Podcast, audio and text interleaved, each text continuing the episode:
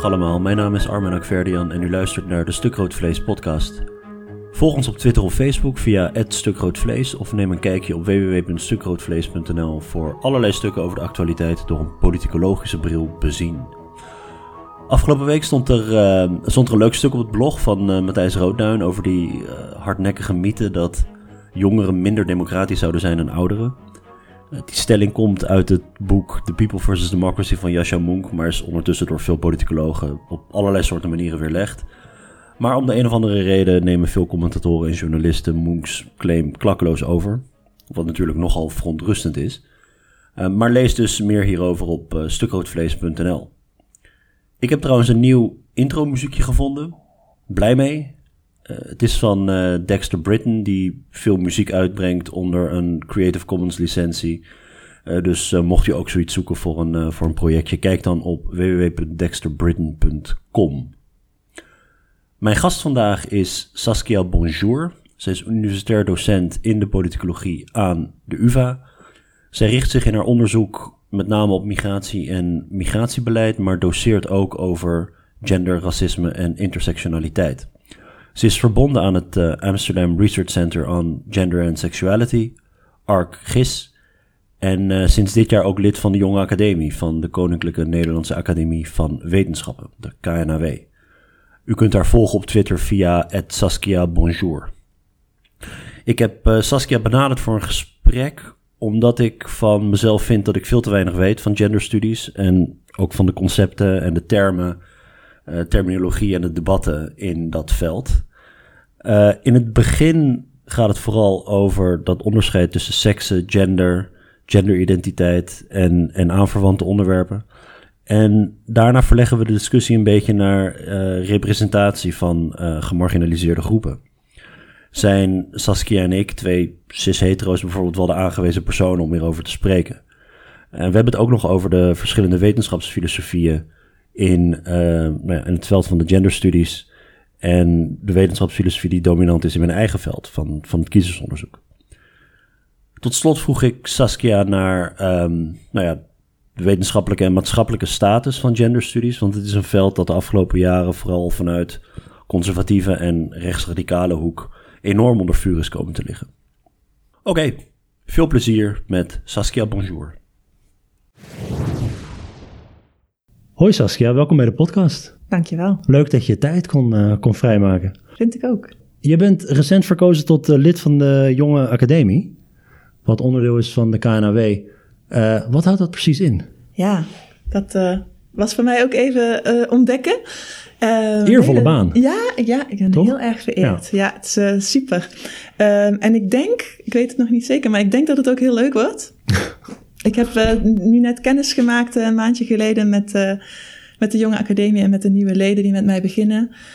Ehm, het zijn 50 mensen van heel verschillende wetenschappelijke vakgebieden die zich uh, bezighouden met wetenschapsbeleid, met uh, onderlinge bruggen bouwen tussen heel verschillende disciplines en met het proberen aan een groter publiek zichtbaar te maken, misschien ook een beetje aantrekkelijk te maken wat wetenschap is. Communiceren van de wetenschap naar een breed publiek. Ja. en, en, ook, en ook lobby, zei je? Ja, zeker. Ja, ja. Dus, dus dat, dat is iets wat ik ook heel interessant vind. De meeste mensen hebben misschien geen flauw benul wat de jonge academie precies is. Maar bij, op het ministerie van Onderwijs en bij NWO en bij de VSNU weten ze allemaal behoorlijk goed wat de jonge academie is. En als er dus een standpunt wordt ingenomen over um, um, aspecten van wetenschappelijk werk, wetenschappelijke carrière, dan wordt er nogal eens geluisterd ook. Dat betekent niet altijd dat ze doen wat, ja. wat de jonge academie vindt dat er moet gebeuren, maar er wordt in ieder geval gereageerd. Dus je hebt daar echt een podium om dingen aan te kaarten. Dus deze week, deze week maakte de Jonge Academie zich bijvoorbeeld druk over de inbeddingsgarantie. Oh ja. Bij NWO, dus de manier waarop, de, waarop uh, wetenschappers toegang krijgen tot uh, competitie voor uh, grote onderzoeksbeurzen. Ja. En ehm, ja, dat zijn belangrijke dingen om over na te denken en dat, dat daar dan dus kritisch meegedacht wordt door ja. wetenschappers, door jongere wetenschappers. Ja, ja zeker. ja is uh, denk ja, ik, heb het in een uh, vorige podcast met Daniel Lakens hebben we het een, hebben we een tijdje gehad over wetenschapsfinanciering. Ja. Um, die inbeddingsgarantie is dat, dat als je dus financiering aanvraagt bij iets als NWO, uh, wat een heel belangrijk onderdeel is van wetenschappelijke carrière, zeker als je junior bent, uh, dan moet je eigenlijk bij een partneruniversiteit de garantie krijgen dat je daar aan de slag kan gaan, toch? Daar komt het om neer. Ja, en zelfs dat je een vaste aanstelling vaste aanstelling krijgt. Dat, is de, uh, ja. dat, is, dat blijkt, de, de Jonge Academie heeft een soort verkennend onderzoek gedaan ja. daarnaar. En daaruit blijkt dat, dat het uh, helemaal niet vanzelfsprekend is dat wetenschappers op een tijdelijk contract ja. um, zo'n inbeddingsgarantie krijgen. Dus dan betekent het dat mensen die toch al een, een uh, precaire, uh, ja. um, in precaire omstandigheden hun werk doen, die laatste mogelijkheid die ze misschien hadden, want dat is het voor veel mensen, ja. om dan toegang te krijgen toch tot een uh, zekerdere positie, dat die hen dan ontnomen wordt. Dat ze niet eens meer mee mogen dingen naar die grote beurzen die dan de weg openen naar een... Uh... Nou, het is een extra obstakel in een proces dat, ja. waar ja. En dat, bezaaid is met allerlei obstakels. Precies. Ja.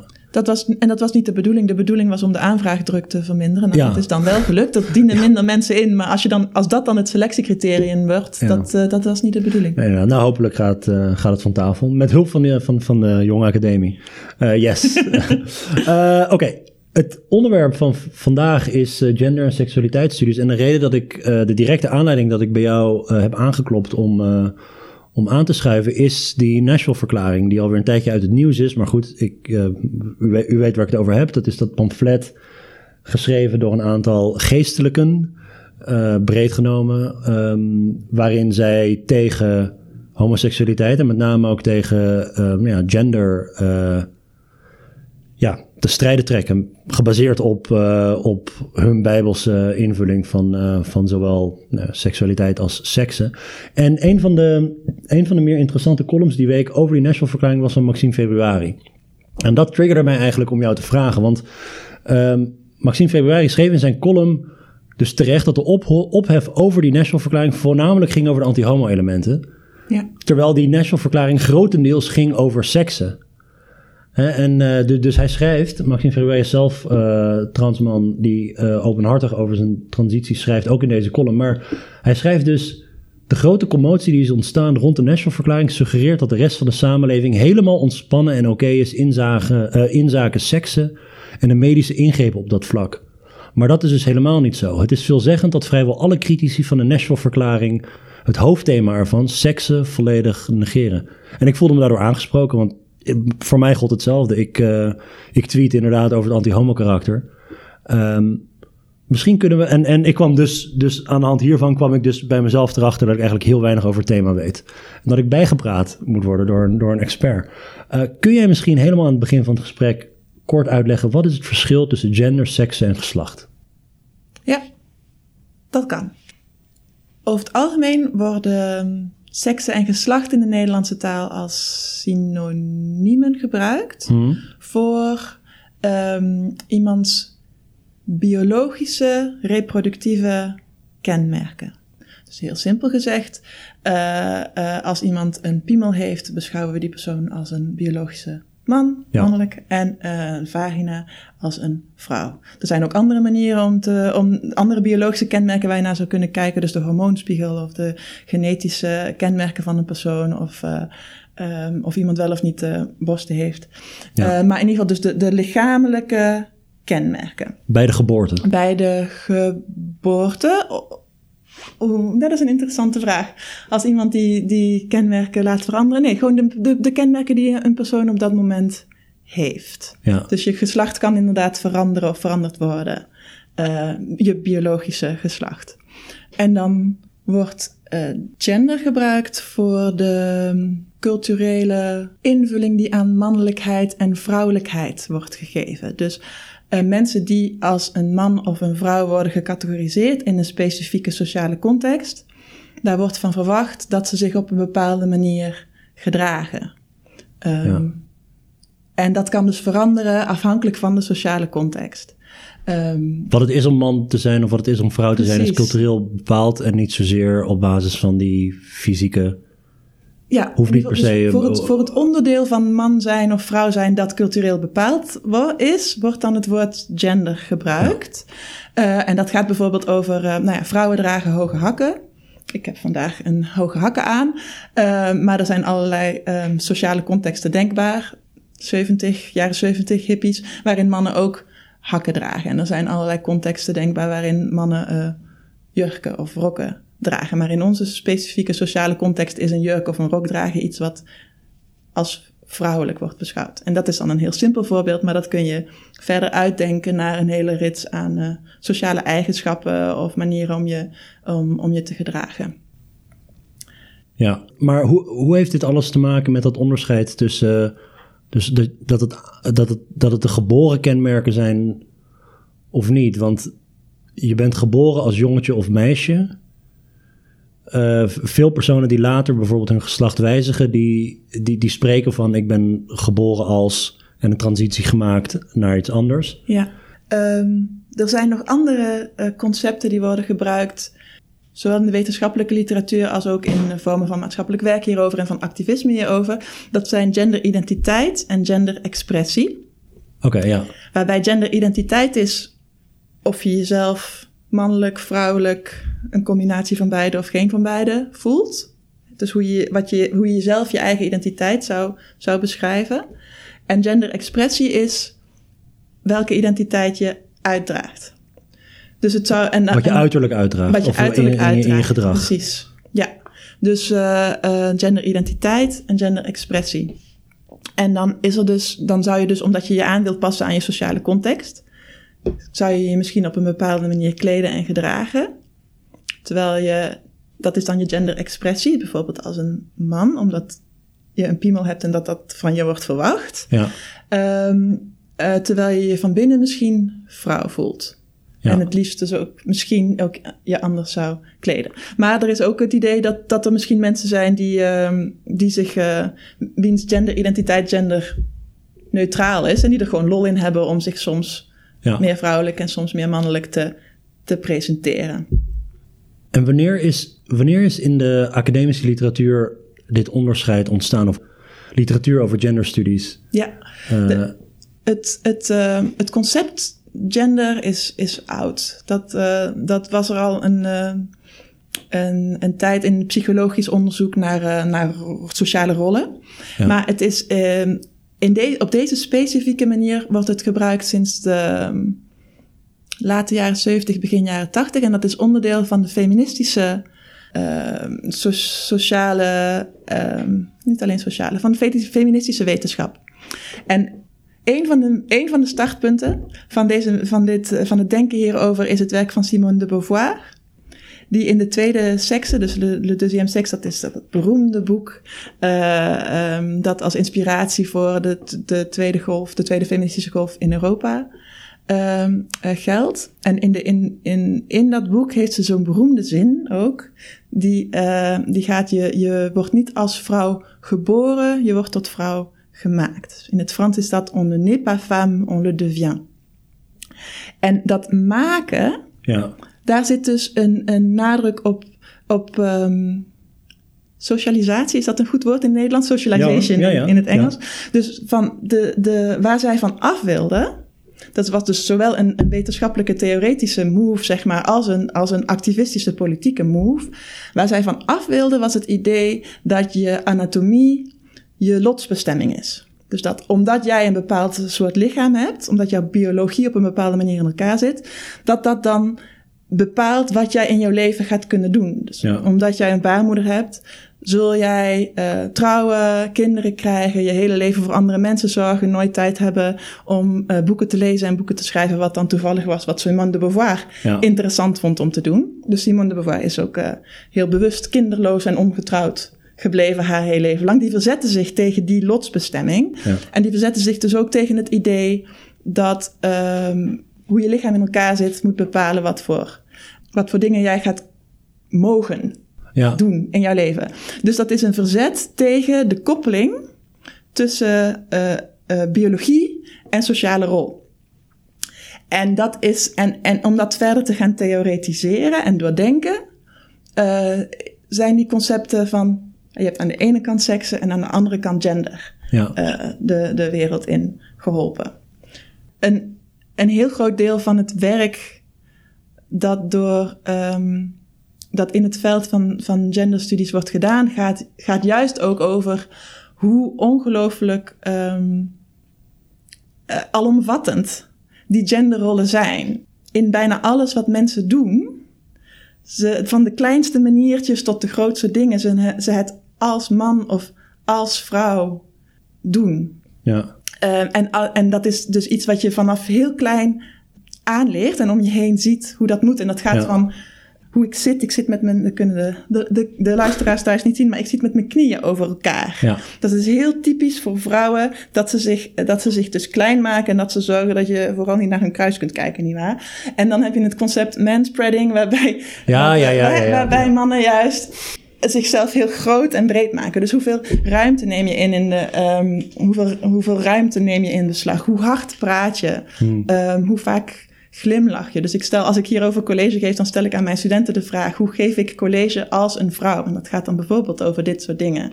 Hoe groot maak ik mezelf? Um, hoeveel glimlach ik? Maar ook hoe vaak check ik bij ze? Volgen jullie het nog? Dat zijn dus dingen die in ieder geval zij um, zouden analyseren als mannelijk of vrouwelijk gecodeerd. Dat betekent niet dat een man niet hetzelfde gedrag kan vertonen. Hè? Mannen kunnen zich gedragen op een manier die als vrouwelijk wordt begrepen. En vrouwen kunnen zich gedragen op een manier die als mannelijk wordt begrepen. Maar meestal wordt dat dan um, afgekeurd. Ja. Dus meestal weegt er een. een, een uh, is er. Uh, word je niet serieus genomen op zijn best en word je zelfs uh, like, fysiek mishandeld op zijn, op zijn ergst als je je niet gedraagt volgens de, ja. de genderrol die op dat moment van jou wordt verwacht. Mensen vinden het heel akelig als ze, als ze iemand niet kunnen, kunnen identificeren als man of vrouw, omdat zoveel van hoe wij ja. ons tot mensen verhouden um, door die genderrollen wordt bepaald. Dus als je iemand,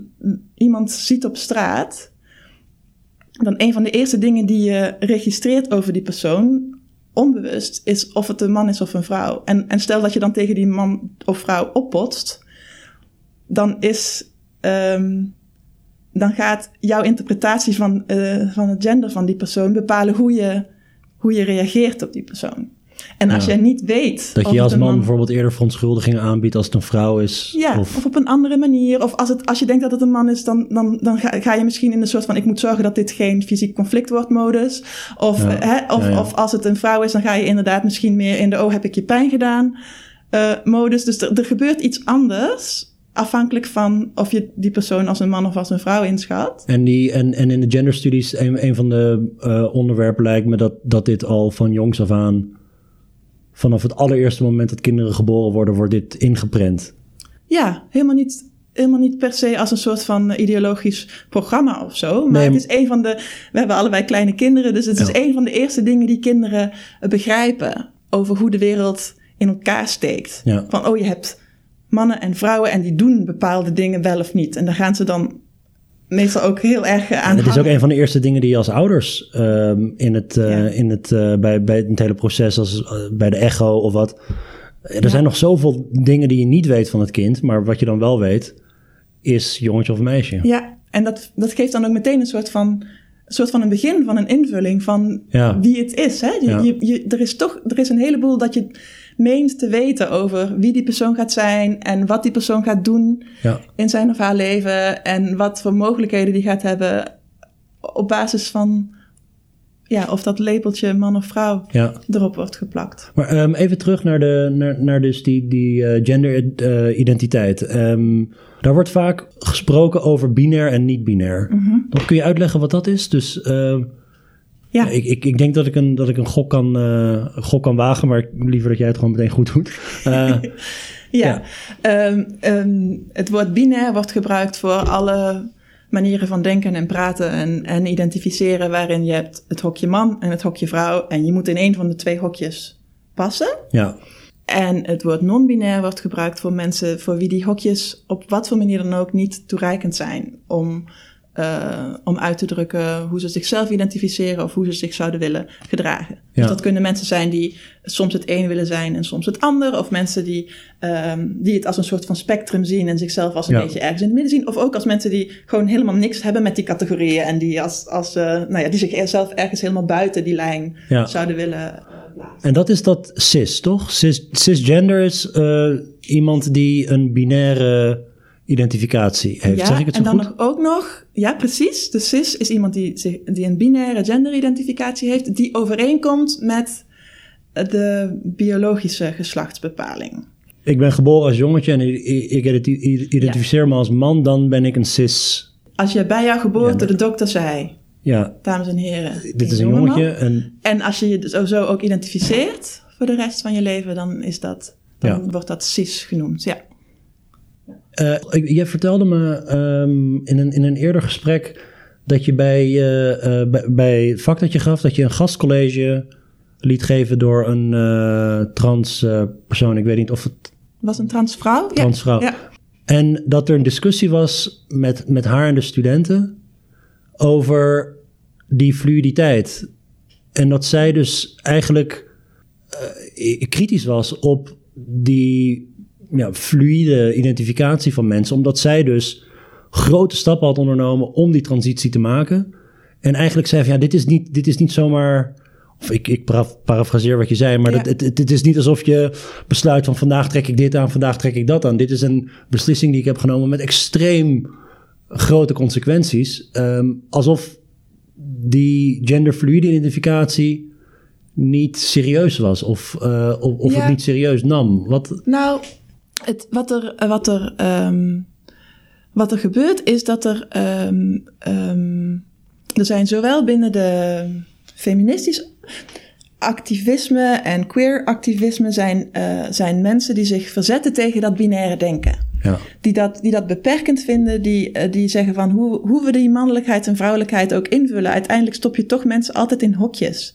En beperk je daarmee wat ze zouden kunnen zijn, wat ze zouden kunnen doen, eh, hoe, hoe we naar ze zouden kunnen kijken.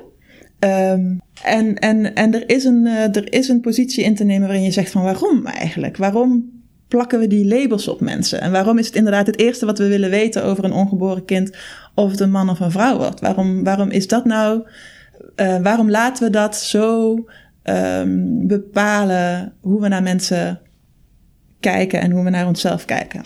Ehm, en dat zijn dus. eh, ehm, Ja, maar je- de- wat, wat ik interessant vind in, in, in, in dit alles, Mhm. zonder dus, eh, ja, dit, dit, dit is eigenlijk een van de eerste keren dat ik volgens mij met een collega over, over deze onderwerpen praat. Dus voor mij is het allemaal één grote, ehm, ja, ehm, ontdekking ergens. Maar dat, die dingen die hoeven niet met elkaar te maken te hebben. Dus je kunt gewoon, je kunt een transpersoon hebben die heel binair denkt natuurlijk. Absoluut, Want die maakt een transitie en vervolgens identificeert hij zich volkomen met het nieuwe geslacht. ja, En die wil helemaal niks te maken hebben met die genderfluiditeit. ja, absoluut. En, ehm, en, en je hebt mensen die, eh, die waarschijnlijk wel eh, ja, op, dat, op dat spectrum ergens zitten of in het midden of misschien, misschien heen en weer gaan.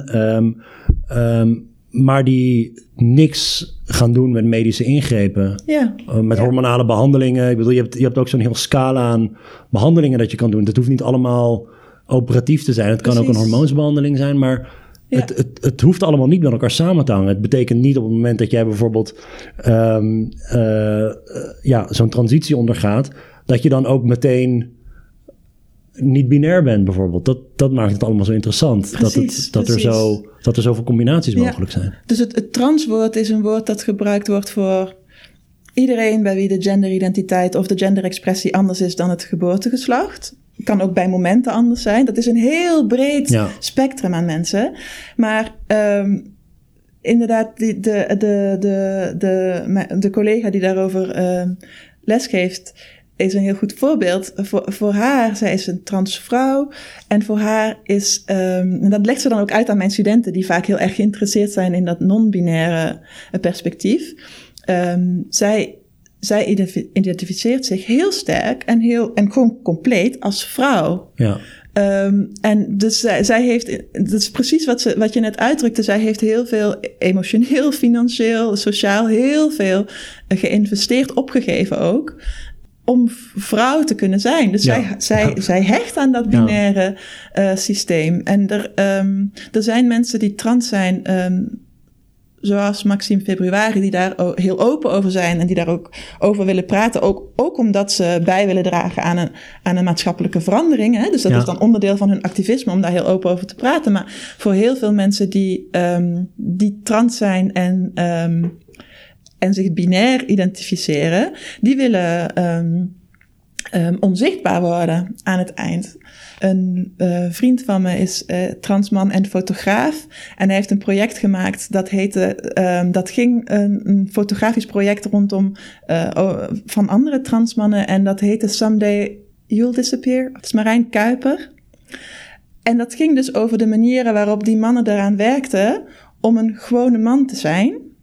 En ze wilden dus uh, verdwijnen als transman. Dat trans ja. moest verdwijnen. Ze wilden gewoon een man net als alle andere mannen zijn. En ze laat zien wat, dat dat dus werk kost. bijvoorbeeld dat je er dan over nadenkt. Oh, nou zit ik hier. Zit ik wel als een man? Ja, ja. Oh, nou doe ik mijn rugzak op mijn rug. Doe ik dat zoals een man dat zou doen? Weet je, dus dat je bij al die kleine dingen de hele tijd daarover nadenkt. Maar dus dat... Um, het is dus inderdaad absoluut niet zo dat omdat je trans bent, dat je je dan ook verzet tegen het binaire gendersysteem. Ja. Dat kan, maar dat hoeft maar zeer hoeft zeker niet. niet. Ja. Nee. Ja, Maxime Februari schrijft ook in, die, in diezelfde column in de Nashville Week uh, het volgende. Um, je gaat in transitie, je vervangt oestrogeen door testosteron, het ene hormonale systeem door het andere. Het is een medische ingreep van niks, maar de maatschappelijke gevolgen zijn groot en ze zijn niet exclusief leuk. Weldenkende organisaties kieperen je van de uitnodigingenlijst. Boekhandels willen je niet ontvangen. Dagvoorzitters van congressen denken grappig te moeten zijn als ze je aankondigen. Redacties zijn alleen nog geïnteresseerd als je bereid bent over uh, transgenderisme tussen aanhalingstekens te praten. Ja, wat we weten ook, er is zo'n SCP-rapport over transgender personen in Nederland. En dat gaat onder andere in, over de, in op de sociaal-economische. Uh, ja. Uh, de, de slechte sociaal-economische positie waarin veel trans mensen zich bevinden. En ik denk dat een deel van het. Um, ja, wat ik straks zei over die sociale rollen en hoe uh, cruciaal die zijn, dat betekent dus ook dat als jij niet in zo'n hokje past, ja. dat mensen daar heel ongemakkelijk van worden. Ja. Dus als, jou, als jij. Um, um, het woord dat we in het Engels gebruiken is pass. Dus dat je kunt doorgaan. Oh ja. Dat, je, dat, je, dat, je, dat mensen niet zien dat je trans bent, ja. dan, dan zijn de maatschappelijke, dan zijn de sociale um, sancties eigenlijk. Sancties is, een, is het goede woord. Um, ja.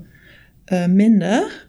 Maar als, als mensen het gevoel hebben dat je, um, dat je niet heel duidelijk in een van die twee hokjes past, ja. daar reageer, dat, dat, dat, dat heeft een enorme invloed op hoe mensen op jou reageren. En dat gaat van inderdaad gewoon uh, van tegen, tegen iemand opbotsen op straat tot uh, waanzinnige discriminatie bij sollicitatiegesprekken op de arbeidsmarkt, dat soort dingen. Ja. En tot, tot fysiek geweld. Dus een, een groot deel. Um, een groot deel van het geweld ook tegen homo's in Nederland trouwens komt uh, van de agressie die blijkbaar bij sommige mensen wordt opgewekt als mensen zich niet gedragen zoals een man zich zou moeten gedragen. Dus dat, dat, dat, dat, wordt, ge, dat wordt gecorrigeerd sociaal op allerlei manieren van, ja, van het softere uh, grapjes maken of zo, tot letterlijk uh, ja. fysiek terug. Fysiek geweld, ja. ja. Ja, Maxime Februari schrijft ook nog in die column uh, dat mensen dan naar hem toe komen bij zo'n bij, bij lezing of zo. En als een soort van compliment zeggen: Oh, je bent eigenlijk wel goed gelukt. Zoiets. Ja. En ja. hij, hij, schrijft er heel openhartig over. dus, dus vandaar dat ik dat, dat hier. Uh, dat, dat is zoiets van wat je net zei: van ja, je kunt, wel eigenlijk, je kunt wel doorgaan voor een man eigenlijk. Ik zie het verschil helemaal niet. Ja. Zoiets. Dat vinden mensen dan fascinerend en het stelt ze ontzettend gerust als je, oké, okay, goed gelukt bent. Omdat zo, als ik de woorden van Maxime ja. februari mag overnemen. Ja. Om het nog gecompliceerder te maken: het is niet alleen maar gender en seksen en genderidentiteit en, en de manier waarop die wel of niet met elkaar samenhangen. Maar seksualiteit komt er ook nog eens een keer bij. Ja. Dus, de, dus gender en seksualiteit wordt vaak, nou ja, wordt vaak samen bestudeerd. Of ja, we hebben hier dat onderzoekscentrum waar, jij ook, waar jij ook lid van bent. Dat is ook het, het, Centrum voor Gender en Seksualiteitsstudies. Waarom worden die twee uh, vaak samen bestudeerd? Omdat het lijkt me dat, dat je ook allerlei combinaties hebt tussen genderidentiteit uh, seksen en vervolgens tot wie je je aangetrokken voelt. Absoluut. Ja, dat is, uh, je, je, er, is geen, uh, er is absoluut geen dwingende noodzaak om gender en seksualiteit in één centrum samen te bestuderen. Ik vind het wel productief en interessant wat er gebeurt als je dat doet. Um, kijk, seksualiteit is tot wie, wat, waarom je je e-, erotisch aangetrokken voelt. Of, en of romantisch. Hoeft ook nog niet per se uh, samen te zijn. En, en, en meestal wordt het gebruikt om, uh, um, in, zeker in de Nederlandse context, om te praten over of je je tot mensen van hetzelfde geslacht aangetrokken voelt of tot um, uh, mensen van een ander geslacht. Dus of je heteroseksueel of homoseksueel bent. Je hebt ook nogal, ik bedoel, sexuality studies omvat ook nog um, um, of je tot één of meer mensen, of je überhaupt tot mensen of meer tot andere vormen van objecten, situaties, dingen. Dat, ik bedoel, die seksualiteit is natuurlijk een enorm breed palet aan dingen. Um, maar in principe um, um, zijn seksualiteit en gender twee afzonderlijke sociale structuren. ze hangen alleen wel nauw met elkaar samen, in die zin dat je gender niet kunt begrijpen eh, de manier waarop gender als sociale structuur in onze samenleving werkt, als je niet weet dat heteroseksualiteit de norm is. Dus, dus de, de, de, de, de rollen die mannen en vrouwen um, krijgen aangedragen, die bestaan uit een idee dat ze samen complementair een gezin vormen. Dus dat mannen en vrouwen samen een koppel vormen en dat dat de unit is, uh, de hoeksteen van de samenleving. Ja. Dus de, de, de, alles tot en met, uh, tot ook, ook professionele rollen, uh, die, of verwachtingen die in een professionele context op mannen en vrouwen rusten, die kun je vaak voor een heel groot deel verklaren vanuit dat heteroseksuele model van wat een man en een vrouw, hoe die zich tot elkaar moeten verhouden in een, in een koppel gezins, huwelijkssituatie. Ja, ja. En andersom kun je seksualiteit um, um, niet begrijpen zonder uh, um, uh, na te denken over die genderrollen en die genderidentificaties, omdat seksualiteit heel vaak gaat, de seksuele normen heel vaak gaan over dat je je vanuit een bepaald gender voor het ander gender uh, aangetrokken moet voelen. En, en ook omdat um, normen voor seksueel gedrag zo'n um, zo'n groot onderdeel uitmaken van, wat, van hoe genderrollen eruit zien. En dus die, de, de, de norm waar je het over hebt, dat is die kreet cis-het, cis-hetero, waarbij, dus, waarbij je dus die van, van oudsher werd, werd, werd, het, het hetero-stijl Um, waarbij ook nog eens een keer de genderidentiteit compleet binair was en ook complementair met de, uh, ja, met de seksen. Die als norm. En alles wat er buiten valt, werd gezien als afwijkend. En werd dus ook gemarginaliseerd en onderdrukt. Of we, we, um... Ik denk dat je dat tot, uh, tot op uh, zekere hoogte, jammer genoeg, nog steeds ook in de tegenwoordige tijd kunt zeggen. Dus ja. dat, ik, cis zijn en hetero zijn is nog steeds de norm in heel veel situaties, denk ik. En als je daarvan afwijkt, dan. Um... Maar is dat waarom dat vaak samen wordt bestudeerd? Omdat, het, omdat um, mensen die van de norm af, van, ja, de van boven opgelegde maatschappelijke norm afwijken, vaak ook in dezelfde soort um, marginalisatie of sociale uitsluiting of onderdrukking van fysiek geweld nou ja, tot, tot daaronder vallen? Is het, is het ook omdat de emancipatiebewegingen misschien samen optrokken, hoewel het misschien tot op zekere hoogte, ja, tot op zekere hoogte. En zeker, zeker in ieder geval in de wetenschap is er veel kruisbestuiving tussen mensen die nadenken over seksualiteit, uh, mensen die nadenken over gender, mensen die nadenken ook over racisme. En de manieren waarop, uh, waarop dat als sociale structuur uh, de samenleving vormt.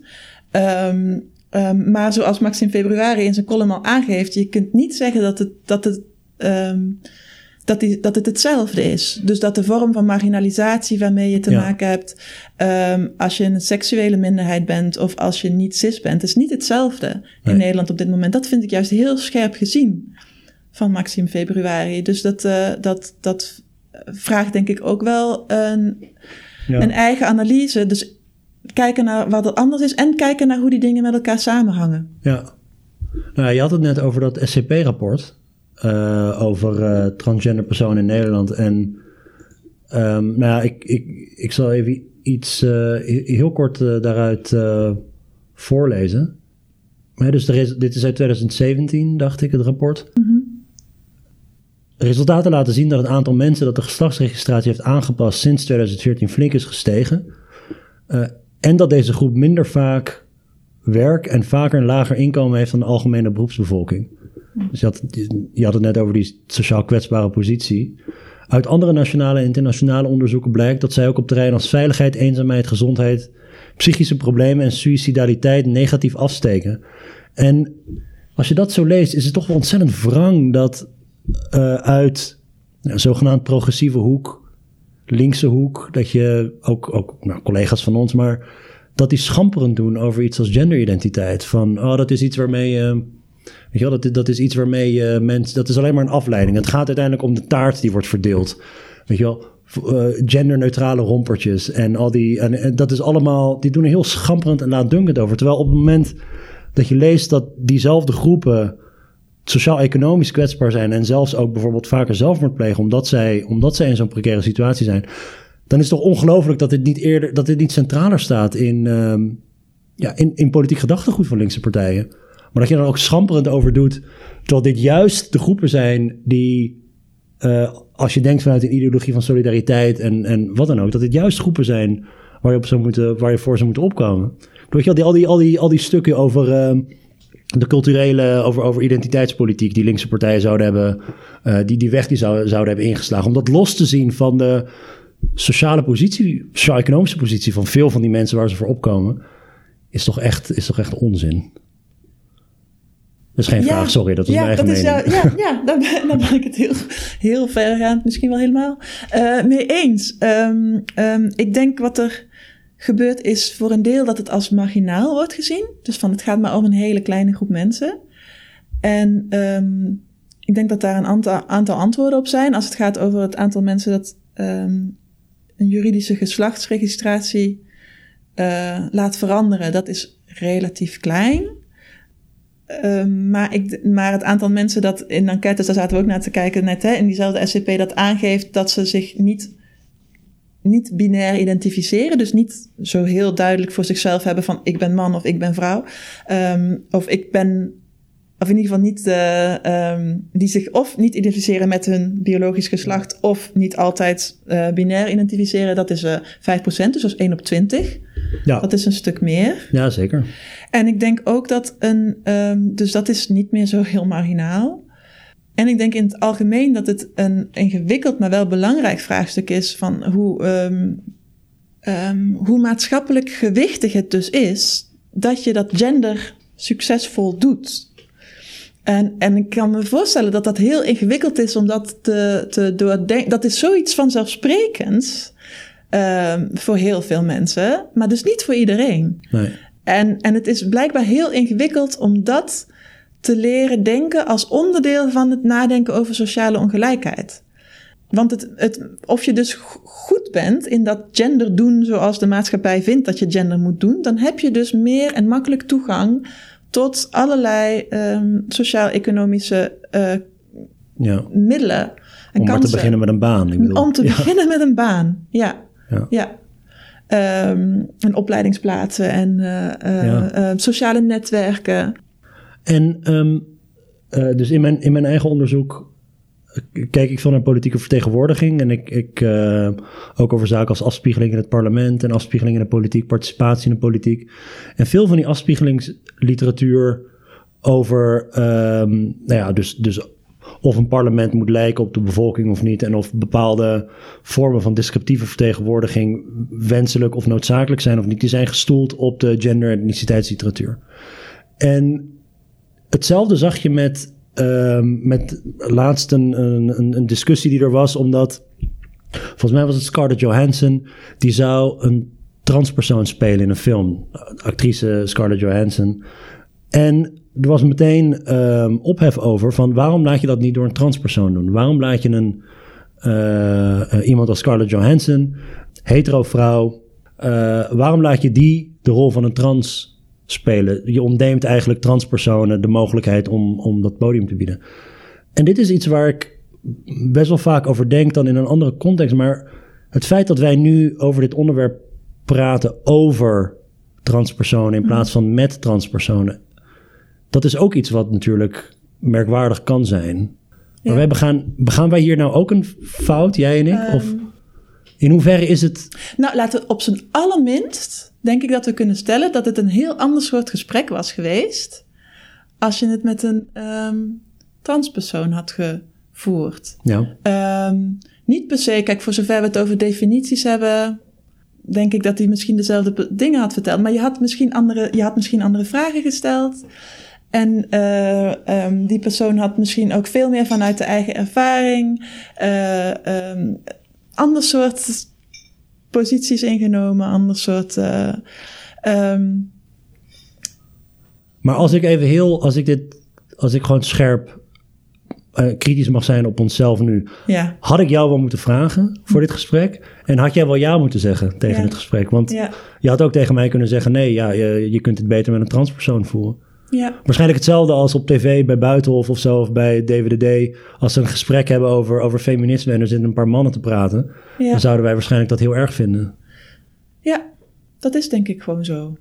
Ehm, dus ik hoop, ik hoop dat ik eh, recht heb gedaan in, eh, in wat ik tot nu toe heb verteld. Jij, jij hebt me heel expliciet gevraagd om uitleg te geven Ja. over concepten en over hoe er in, eh, in, ehm, in hoe ik daar, hoe ik hier over dit soort thema's op dit moment doseer. Dus Ja. hè, wat, hier- wat hier van soort van de, de state of the art is in gender and sexuality studies. En daar, ehm, daar voel ik me eh, bij op mijn gemak om Ja. daarover te praten.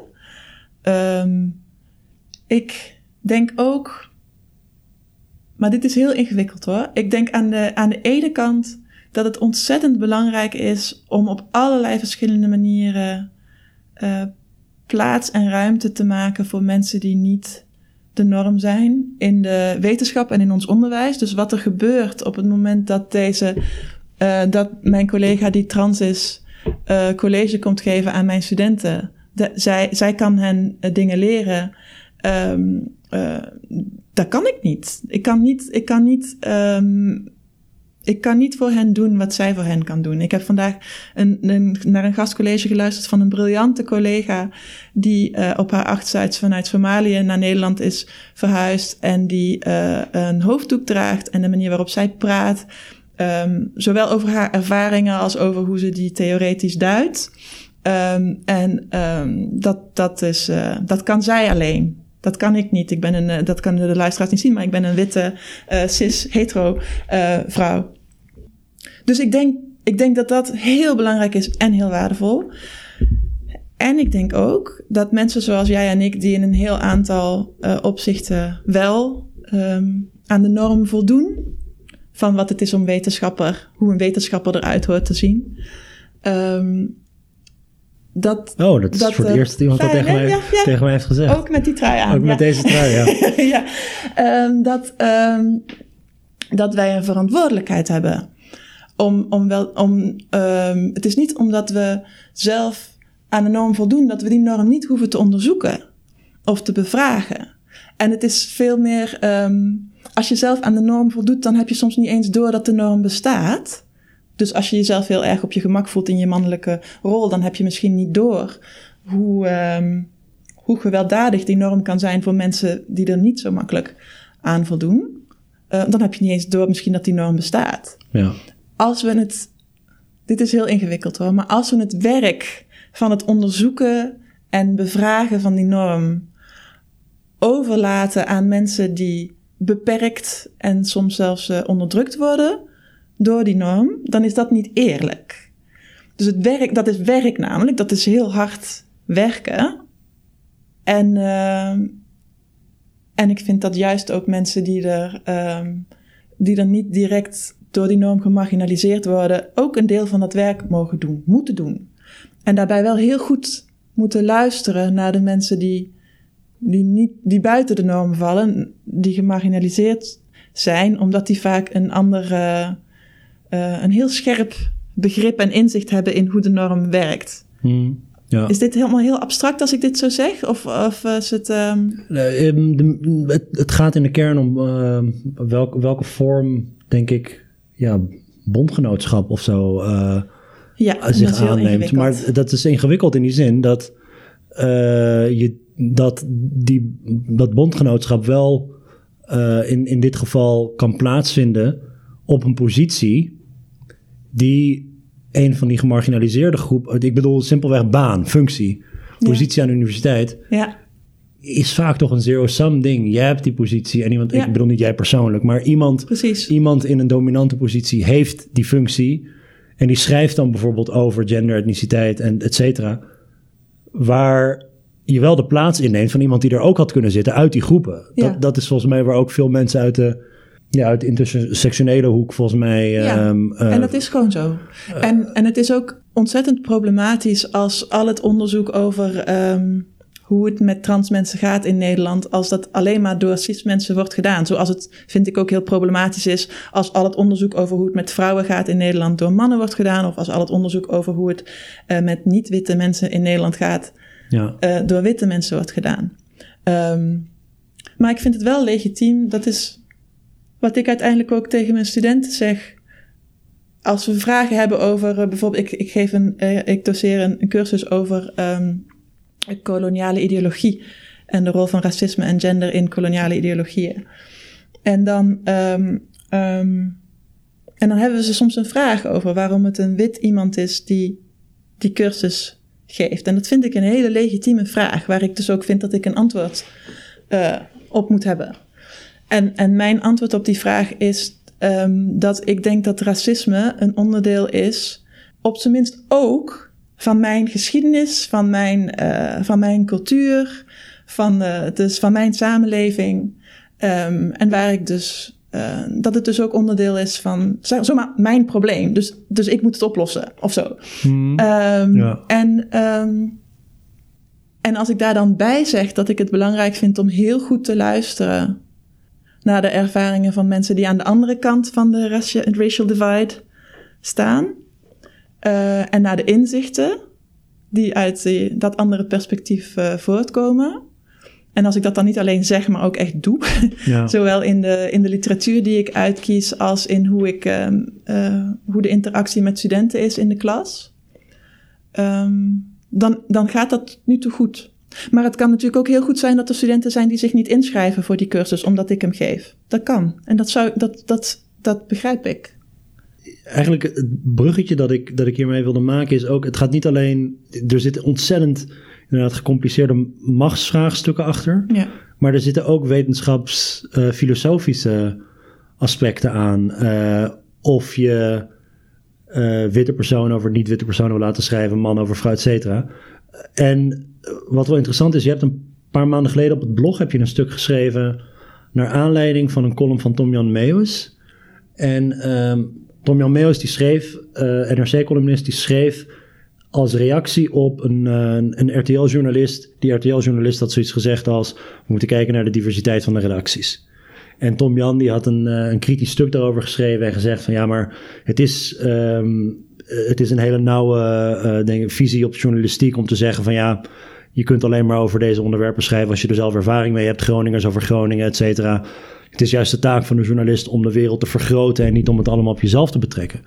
Jij schreef een stuk als reactie op Tom Jan, waarin je zei eh, dat het wel degelijk van belang is wie er in zo'n redactie zit, omdat de persoonlijke bagage die iemand meebrengt ehm, een, een rol kan spelen in hoe je bepaalde dingen ziet. ja, En er is natuurlijk ja, in, in, in, ja, in, in de wetenschap, in de politicologie, in, in het veld waarin we werken, bestaat deze discussie en die voedt al heel lang. Ik persoonlijk behoor tot die eh kliek die eigenlijk vindt dat wetenschappers inwisselbaar zouden moeten zijn. Inderdaad, Ja. dat, dat neutrale, ja, objectief. Ik bedoel, plak er, plak er termen op die je wil. Maar als ik een bepaalde analyse uitvoer... eh, en iemand anders voert, voert die analyse uit... dan moet er hetzelfde uitkomen. Ja. Sterker nog, dat is een, voor mij is dat een kwaliteitscriterium. ja, Replicatie, weet je wel, dat, dat is hoe ik, het dan, hoe ik het dan zie. ja, Het moet niet uitmaken of jij mijn computer aanzet en een, en een, en een regressie draait... of ik dat doe. Ik, ik wil eigenlijk als, als onderzoeker, als het gaat om het doen van het onderzoek... wil ik volkomen inwisselbaar kunnen zijn. ja, En dat is in, eh, in het veld van de genderstudies is dat volslagen anders. Als je het boek van, van Gloria Wekker bijvoorbeeld leest, zij is heel expliciet over ja, heel veel van haar persoonlijke achtergronden, omdat zij vindt dat dat onderdeel is van de wetenschap die ze bedrijft en van Ja. de resultaten die zij, die zij heeft. ja. Dat is eh, volgens mij. eh, volgens mij kun je wetenschappers bijna nergens zo mee raken als met deze discussie Ja. over epistemologie. Dat is echt heel ehm, heftig. En dat moet het ook zijn, want dat raakt echt aan de kern van wat we doen. Dus als je een beetje om je vak geeft als wetenschapper, dan kun je je enorm opwinden over epistemologie. Dat hoort zo. Ehm, De, de ander volledig afkraken. ja, ja, ja, nou, ja, ja, dat. En ook echt heel ehm, emotioneel worden Ja, ja. Ehm, Maar waarom is het van. Waarom is het. Is, eh, is eh, die neutraliteit die ik eh, denk te hebben, of die inwisselbaarheid die ik juist als kracht zie, waarom is dat juist een zwakte op, op, op, ander, op ander gebied, in andere. Nou, wat, wat feministische epistemologie daarover zegt, in ieder geval, er zijn heel veel verschillende feministische epi- epistemologieën. Maar de, de feministische epistemologie waar ik, ehm, waar ik dat stuk, die ik in dat stuk op stuk rood vlees ehm eh, uiteenzette, dat is eh, standpoint theory, bijvoorbeeld van Sandra Harding of van Donna Haraway. Eh, Patricia Hill Collins gaat ook een heel groot deel diezelfde kant op.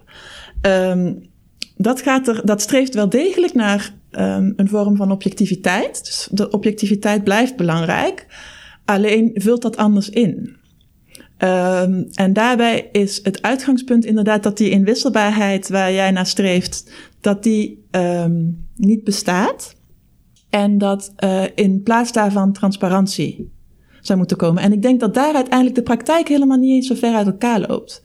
Want ik denk dat, dat jij ook op het moment dat jij jouw methodologie beschrijft, zo expliciet mogelijk elke, verschil, elke stap probeert uit te leggen en te verantwoorden. En daarbij ook heel goed weet dat iemand anders een andere keuze had kunnen maken. En daarmee misschien op andere resultaten was uitgekomen. En je probeert zo goed mogelijk uit te leggen waarom je de keuzes maakt die ja. je maakt. Um, en voor, um, voor, vanuit de feministische epistemologie wordt daar in feite nog een laag aan toegevoegd, waarbij ze zeggen: het is niet alleen de wetenschappelijke keuzes in smalle zin die je maakt, die je als um, verantwoording op tafel moet leggen, maar je mag, mag slash moet ook uh, nadenken over hoe de rest van jouw persoon bijdraagt aan de keuzes die je maakt. Ja. En dat, uh, dat, dat, dat kan je, je, je gender, je seksualiteit, je, je, je ras zijn, maar ook uh, of je, je professionele ervaring, je familiegeschiedenis, je. Uh, nou ja, dat is, dat is een werk dat je moet doen, moet doen dan als wetenschapper. Niet zomaar je, je biografie op tafel gooien, maar, maar serieus reflecteren op uh, wat, hoe vormt mijn maatschappelijke positie mijn perspectief. En daarbij ook juist die machtsverhoudingen uh, meenemen. Dus bijvoorbeeld erover nadenken als je uh, migratiewetenschapper bent in Nederland en je doet onderzoek naar wat heel lang etnische minderheden heten, hè? dus mensen met een migratieachtergrond in Nederland. En je ziet om je heen dat iedereen die dat onderzoek doet wit is. Dat er niemand met een migratieonderzoek deelneemt aan dat migratieonderzoek. Dan zou feministische epistemologie, die trouwens ook, um, er zijn ook vormen van kritische epistemologie vanuit uh, andere invalshoeken hoor, die op hetzelfde, op een vergelijkbare punt uitkomen. Maar feministische epistemologie vraagt dan van je dat je reflecteert op hoe die machtsverhoudingen doorspelen in jouw uh, kennisproductie. Dus en dat je, en, en, want dat is uiteindelijk de, de kritiek die eronder ligt, is dat de, um, mythe, want het wordt dan als een mythe beschouwd, in plaats van als een ideaal. De, de, de mythe van, uh, van, de, van de inwisselbare wetenschapper, die, um, die is een soort van, um, die, die verhult dat het perspectief dat als neutraal wordt beschouwd, bijna altijd het perspectief is van de dominante groep. Um, dus die verhult eigenlijk de manier waarop bestaande machtsverhoudingen ook bepalend zijn voor wat voor kennis er wordt geproduceerd. Begrijp ja. je wat ik bedoel? Nou ja, ik, ik, uh, ik vind het woord perspectief vind, vind ik lastig in deze. Mm-hmm. Dus ik, uh, als je mij inwisselt met iemand anders, dan krijg je waarschijnlijk iemand die andere onderwerpen bestudeert. Ja. Mijn interesses worden gevormd door mijn persoon. Ja, precies. Ja. Ik bedoel, ik, uh, ik heb inderdaad een migratieachtergrond. Ik ben in mijn onderzoek gaat het heel erg over oor, ja, oorzaken van ongelijkheid, aspecten van ongelijkheid. Dat zijn allemaal onderwerpen die ik interessant vind hoe, waarom ik die interessant vind, zal deels te maken hebben met het feit dat ik die van thuis uit ja, dat mijn ouders er vaak over praten. Dat het vaak ging over politiek en dat het vaak ging over dingen als onrecht. Wat, dus als ik bijvoorbeeld dingen als opleidingsverschillen onderzoek, dan heeft dat te maken met ongelijkheden of sociaal-economische ongelijkheden. Maar dus, dus de onderwerpen die ik uitkies en, en iemand anders die kan misschien geïnteresseerd zijn in burgeroorlog of die kan geïnteresseerd zijn in beleid, wat het ook mogen zijn. Dus ik, ik denk niet dat, dat als je mij inwisselt met iemand anders, dat hij dan precies hetzelfde onderzoek zou doen. De onderwerpen zouden anders kunnen zijn, maar wanneer wij eenmaal een vraag formuleren en hoe gaan we daarmee verder, dan, dan dat deel van het, het, het project, het proces van onderzoek doen zelf, hoop ik dat ik inwisselbaar ben. Ja. Dat, Dat, maar dat is een hele legitieme positie. Dat, dat is, dat is hoe ik uh, mijn, mijn naïeve voorstelling van zaken. Nou, nee, dat is niet naïef. Um, dat is een ideaal. Een ideaalbeeld van wat, van wat de beste wetenschapper zou, zou moeten, wat wetenschap op zijn best zou moeten zijn. En er, en er staat ook heel veel op het spel, hè? Want als. Um, want niemand wil in deze discussie, zeker ook niet de feministische epistemologen waar ik het net over had, niemand wil dat wetenschap ook maar een mening is. Hè? We moeten ja, wel dat kunnen is dus uitleggen... De dat is dus de kritiek die, die niet ik zelf, maar die, um, die vaak tegen, uh, tegen dit soort epistemologieën wordt, wordt gebruikt, is dat dan het allemaal zo subjectief wordt. Ja, Precies. En hoe dus je, je moet dan, nog steeds uh, kunnen uitleggen dat er bepaalde regels zijn waarin ja. wetenschappelijke, waaraan wetenschappelijke kennisproductie voldoet, die het daarmee een andere vorm van kennisproductie ja. maken dan uh, iemand die een gedicht schrijft en daarmee ook inzicht creëert, maar een ja. ander soort inzicht. Ja. iemand als Donna Haraway is hartstochtelijk committed aan, weet je wel, we hebben, er is een wereld en er zijn echte grote problemen en die moeten we toch echt oplossen en daar hebben we de wetenschap voor nodig. Dus het is absoluut niet een, um, uh, een relativistisch standpunt dat ze inneemt. Maar vanuit haar perspectief is er um, ook, ook binnen het spectrum van wat je aan methodologische keuzes maakt. Dus ook als je eenmaal hebt bepaald welke vraag je stelt. Want dat is inderdaad een heel cruciaal moment natuurlijk. Welke vraag ja, stel je? Ja, wat is belangrijk? Dat ja, is natuurlijk... Dat is, dat ja. is een heel belangrijk punt. En dat is ook het makkelijkst uit te leggen, denk ik. Van oké, okay, van het, het zou belangrijk kunnen zijn om na te denken over wie er allemaal wetenschap mogen bedrijven in Nederland. Want misschien dat als we niet uh, mensen hier hebben die uh, um, enige affiniteit hebben met sociale ongelijkheid, omdat ze zelf misschien niet tot de, uh, tot de meest bevoorrechte groepen behoren. Misschien dat we dan minder of minder goed of een ander soort onderzoek zouden doen naar sociale ongelijkheid. Hè? Ja. Dat, dat, is dan, dat is stap één.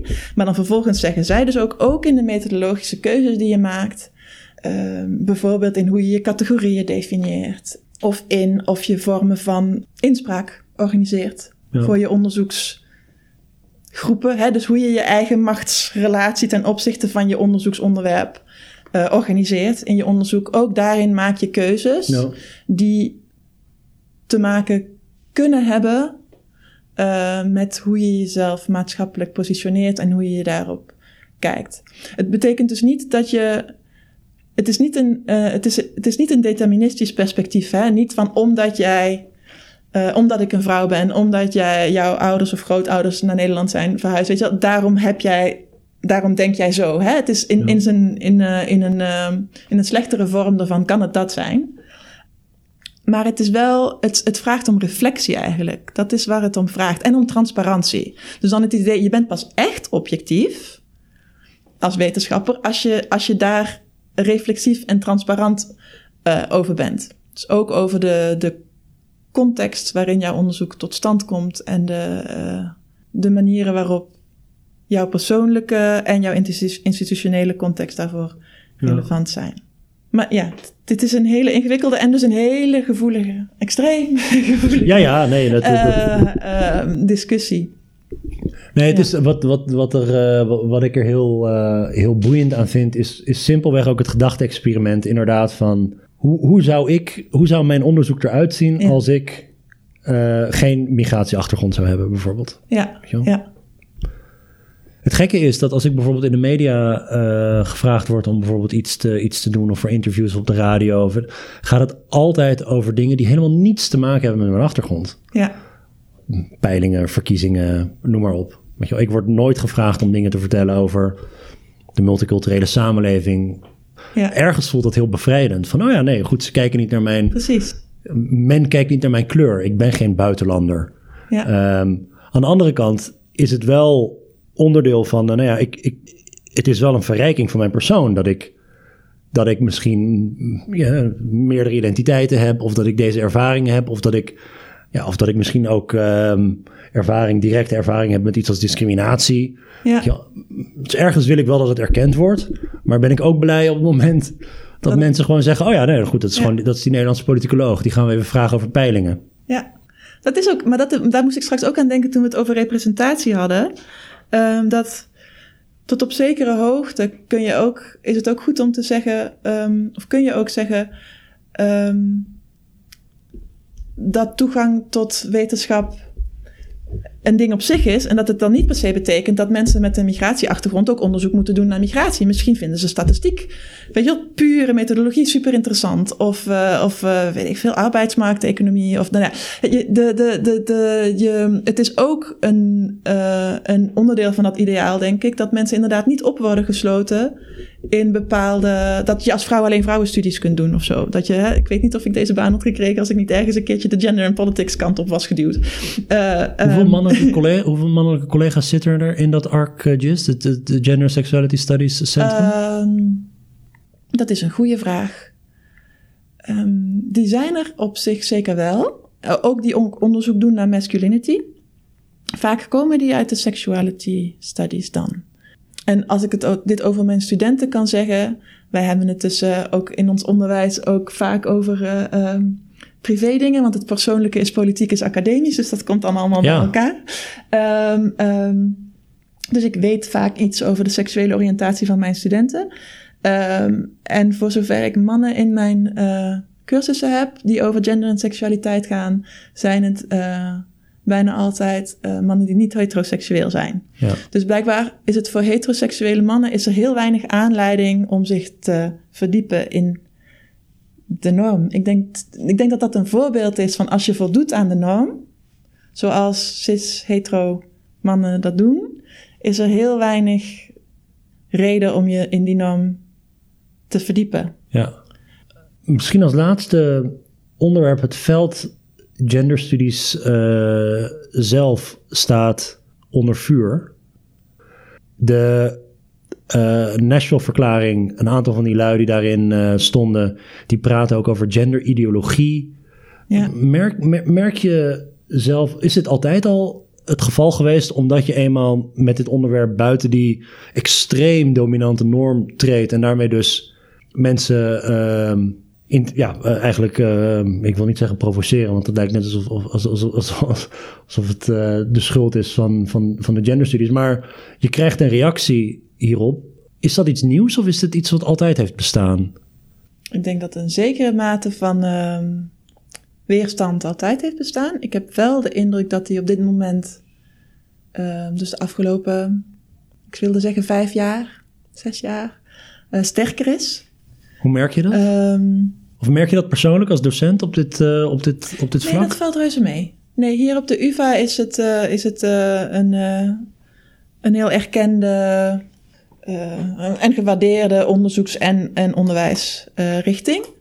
Ehm, je ziet wel dat er eh, discussie is in eh, kranten bijvoorbeeld over, ehm, over ehm, wat, dan, wat dan genderideologie wordt genoemd.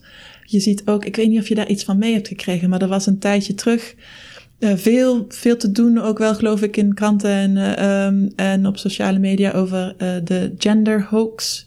Dus er was een aantal Oh, ja, Weet je ja. dat nog? Die Amerikaanse wetenschappers die wilden bewijzen dat gender studies en critical studies. Ja, dat het onwetenschappelijk was en, daardoor, en, en ze hadden daardoor wat, ehm, wat onzinartikelen eh, geschreven en die waren aangenomen in tijdschriften in dit veld. Ja, ja, en daarmee dus het punt willen maken dat dit veld ehm, ehm, ideologisch gedreven is en, en, daar, eh, en in ehm, geen enkele wetenschappelijke standaard meer hoog houdt als het maar aan die ideologische Ja. boodschap eh, voldoet. Sorry dat je Ik vond onderbreek, zelf- maar ja. wat, ik, wat ik me ervan herinner eh, was het ironische aspect dat diezelfde mensen geen controlegroep hadden in hun, experiment, in, hun, Exact. in hun experiment. Dus dat ze niet hadden gekeken wat er zou gebeuren als je het bij andere velden zou doen. Dus Precies. je wist alsnog niet of het... als je hypothese is Ja. dat het aan het veld ligt, dan moet je het toch echt met een ander Ja. veld eh, vergelijken. Hè? Als we dan toch het over wetenschappelijke standaarden hebben. Ja. Ja. Ehm, dat hadden ze niet gedaan. Maar het, het, het, is, het is wel onderdeel van diezelfde, ehm, nou ja, van dezelfde beweging die het over genderideologie heeft. En dat is, dat is ook al een tijdje aan de gang. In Nederland hebben we dat niet zozeer gezien, maar in, in Frankrijk, in, de, um, in, in dezelfde beweging als het verzet tegen het homohuwelijk, was ook verzet tegen wat dan uh, genderideologie op school werd genoemd. Dus het aanpassen ja, ja. van het curriculum op basisscholen. Uh, het bevragen van, uh, nou ja, het proberen een klein beetje open te breken, of misschien in, in mijn optiek een klein beetje, in de, in de optiek van uh, conservatieve Fransen dus veel te veel. Het openbreken van wat meisjes en wat jongens. Want je brengt, te, je brengt kinderen op ideeën. Ja, je, als je, je, het je, haalt, over... je haalt de orde overhoop. Ja. Dat, dat, hè, dus het is ongezond. niet, niet goed voor kinderen. Je maakt ze in de war. Je, je, je, um, uh, wat is dat? Je brainwashed, denk ik, is het, is het argument dan. En in Duitsland is ver, vergelijkbaar verzet. Um, ik weet nu niet meer letterlijk wat hij gezegd heeft, maar de paus um, uh, heeft het ook over, over genderideologie en over het belang dus van het, van het vasthouden van de natuurlijke orde zoals God die heeft gewild, inclusief um, ja. dat er mannen en vrouwen zijn en niks daarbuiten en niks ertussenin. En dat die mannen en vrouwen duidelijke rol hebben. Ja. Inclusief dat heteroseksuele koppel dan natuurlijk. En dus er wordt gender studies en sexuality studies verweten dat het een ideologische aanval is. Ideologisch op de natuurlijke orde. Op hoe de samenleving altijd al is geweest en altijd zou moeten zijn. En als het dan ideologisch wordt genoemd, dan is daarmee, wordt ermee dus ook bedoeld dat het onwetenschappelijk is. Precies zoals in die hoax-context. Uh, ja. Het is activisme en geen wetenschap. Precies, activisme en geen wetenschap. Ja. En dat, daar is het veld in die zin gevoelig voor dat, um, dat een, een onderdeel daarvan is ook het. Het is een onderdeel van de wetenschappelijke praxis van het veld om, de, om, dat, uh, om, dat, om die absolute grenzen tussen activisme en wetenschap te, uh, te bevragen. Van, goh, waar, waar, ligt eigenlijk de grens van wat wetenschap is en wat activisme is? En waarom zou je inderdaad niet... Alle wetenschap is ergens voor. Dus als je het niet... En als je er niet over nadenkt waarvoor, dan is het voor de status quo. Weet je? Ja. Dus kun je maar beter nadenken waarvoor en, en zorgen dat je, dat, je, um, dat je wetenschap voor iets anders of iets beters is. Dat is, dat is een, voor veel mensen ja. um, in, het, in dit specifieke veld een overtuiging. En daar komt bij Kijk, er zijn verschillende mensen om naar, manieren om naar gender te kijken. En, en uh, um, de, de overtuiging dat uit biologie lijnrecht voortkomt wat, wat de rollen van mensen zouden moeten zijn, is, is, is ook een overtuiging. Is, ja. ook, een, is, ook, een, is ook een ideologie. Um, maar als je vanuit de sociale of de geesteswetenschappen onderzoek doet naar, naar gender, dat doe je alleen maar als je niet denkt dat er een uh, automatische directe lijn is tussen de biologie en de sociale rol. Want dan valt er niks meer te onderzoeken voor een sociaal of geesteswetenschapper. Ja. Misschien wel voor een neuroloog of zo. Maar niet, voor een, niet, voor, uh, niet van, vanuit ons vakgebied. Dus iedereen die vanuit sociale of geesteswetenschappen zich met gender en sexuality studies bezighoudt, die, uh, die werkt vanuit een bepaalde vorm. En dan is er natuurlijk enorm veel variatie, maar vanuit een bepaalde vorm van die sociaal, constructi sociaal constructivistische um, um, vertrekpunt, van dat ja. constructivistische vertrekpunt. En um, dat is een wetenschappelijk, theoretisch vertrekpunt. En het is ook een politiek vertrekpunt. Namelijk datzelfde vertrekpunt van Simone de Beauvoir ooit is. Uh, uh, van uh, mijn ja. biologie is niet mijn, mijn anatomie is niet mijn lotsbestemming, hè, dat. Uh, maar het is ook een, een heel erg uitgewerkt uh, uh, en een complex geheel aan, aan wetenschappelijke filosofische theorieën waar dat uit voortkomt. Ja. Dus activisme en, en wetenschap hebben elkaar ook enorm beïnvloed um, op deze velden over de laatste 40 jaar. Ja, het is wel in, in, interessant ook, maar terugdenkend aan waar we het net over hadden, over die inwisselbaarheid van de onderzoeker die mijn, mijn wetenschapsfilosofie ehm, eigenlijk uh, omarmt.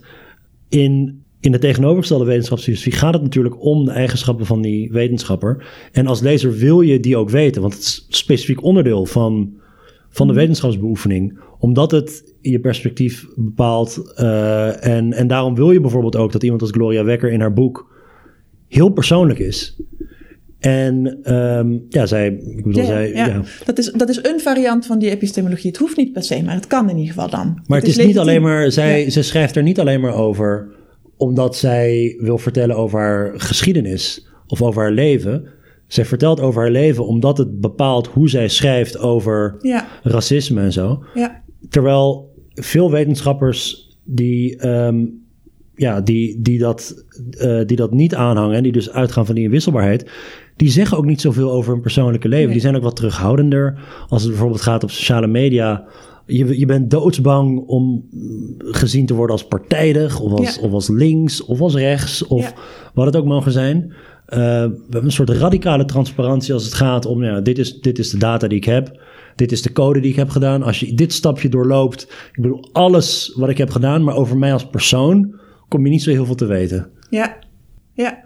Nee, maar dat is ook heel kwetsbaar als je dat wel doet. Want, Ja. want het dominante beeld ook out there, ook in het publieke debat in Nederland van wat een wetenschapper zou moeten zijn, is dat, dat beeld van die inwisselbaarheid. Ja, van hou, jij, hou je mening voor je. Of Ja, hou je wie je, bent, maakt niet uit. En- mening, wie je bent, doet er niet toe. Ja. Je, die, die, dat, en ik denk dat, dat dat is dus een ideaal dat heel veel wetenschappers nastreven. Eh, op verschillende manieren misschien. Maar, en, en, maar dat is ook een, eh, een, een norm waar je aan gehouden wordt. eh, maatschappelijk om overtuigend en legitiem te worden gevonden als, eh, als wetenschapper. Dus als je daar van afwijkt, zoals eh, Gloria Wekker heeft gedaan, dan, dan, dan is dat heel kwetsbaar. Eh, want, want ze wordt dus ook juist daarom op allerlei manieren en door allerlei mensen als onwetenschappelijk ja. beschouwd. En niet overtuigend en niet legitiem. Sterker nog, diezelfde ideologische groepen die eh, hè, de alternative facts van eh Kellyanne Conway en eh, de, weet je, die, die, die de hele wereld aan elkaar liegen, die mensen beschuldigen dan die wetenschapsbenadering van Gloria Wekker als onwetenschappelijk, zelfs post-truth. Weet je wel, dat is ja, ja, typisch. is vanuit dat, die, vanuit die alt-rechtse hoek Ja, is de kritiek op genderstudies is werkelijk ontzettend hevig. Het is een andere soort van kritiek dan die, dan die gelovige Nou. eh, hoek waar je het over had. In die zin. maar dat- deels voor een andere, hè? voor een deel overlapt het ook. Maar ik heb het idee dat die, dat die vanuit alt-rechts hoek dat het voornamelijk gaat over bijvoorbeeld, nou ja, je hebt, mannen hebben ook rechten. Ja, Dat het daarover gaat. Dat mannen juist de gemarginaliseerde groep zijn en niet Ja. vrouwen en niet de minderheden. Nee, degene die het echt moeilijk hebben in het leven, dat zijn witte mannen van middelbare leeftijd. Al hadden die maar eens een keer de wind in de rug. ja, Eh, dat een, wat een andere insteek is als in, het, in, in de Bijbel staat: dit, dit, dit, zijn de gender, dit zijn de genderrollen die je moet hebben, et cetera. Die, het lijkt Ja. erop alsof ze proberen om de rollen om te draaien vanuit alt-rechtse hoek. En door te zeggen: ja, vrouwen. Nee, je hebt positieve discriminatie. Ik bedoel, minderheden en vrouwen zitten helemaal niet, eh, zitten helemaal niet in de verdrukking. Ik zit in de verdrukking. En dan krijg je ook die, die men's rights bewegingen en zo. ja. Nou, er is, er is, er is overlap. En, eh, en er zijn connecties tussen Orbán en, en, en, eh, en Baudet en Trump en Tea Party. En dus de, de, de, het religieuze conservatisme en het... Hoe zou je het noemen? Het alt-right conservatisme. Het is, het is eh, nou ja... Cultureel conservatief. of, ja, ik weet niet ja hoe, nationalistisch. hoe eufemistisch. Ehm, ehm, racistisch, op zijn minst soms, misschien vaak. En, en, maar dat hangt dus heel, dat, dat vind ik heel boeiend, maar daar weet ik nog niet genoeg vanaf. Maar er is voor mijn, eh, naar mijn indruk een heel duidelijk eh, eh, verband in die ideologieën tussen inderdaad een conservatisme op het gebied van gender en seksualiteit en een conservatisme op het gebied van een nationalisme dat dan in hele smalle etnoraciale termen wordt gedefinieerd. Dus er is een verband tussen de sterke man, het, ideaal van de sterke man en het ideaal van een homogene natie. En ik weet niet precies hoe dat. nou, dat is een, dat, maar dat, dat er, is, er is dus een, een bepaald verlangen naar. Wat is het dan? Zuiverheid of zo? Orde? Orde, denk ik. Een terugkeer naar een orde.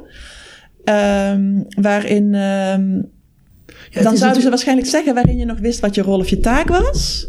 En, waar, en, en ik zou zeggen waarin, waarin jij bovenaan stond. En Ja, dat, dat, dat, laatste vooral. Het feit Ja. dat, dat je nu ineens de publieke ruimte en de politieke ruimte en allerlei soorten ruimtes moet delen. Ja. eh, met, met personen die normaal gesproken voor jou, ja, nee, die staan toch in de hiërarchie onder jou. Dat dat, dat, dat ja. iets is wat, ik bedoel, zo banaal, dat je, de eigen positie wordt gewoon, eh, Ja, er staat ook echt iets op het spel.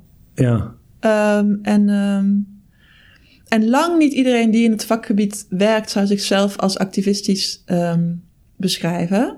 Er zijn, er zijn ook echt heel veel gender- en sexuality wetenschappers die zichzelf eh, wetenschapper vinden en die, dat, en die zich niet eh, comfortabel voelen bij dat label ehm, activist of, hè, of ideologie. Of, of.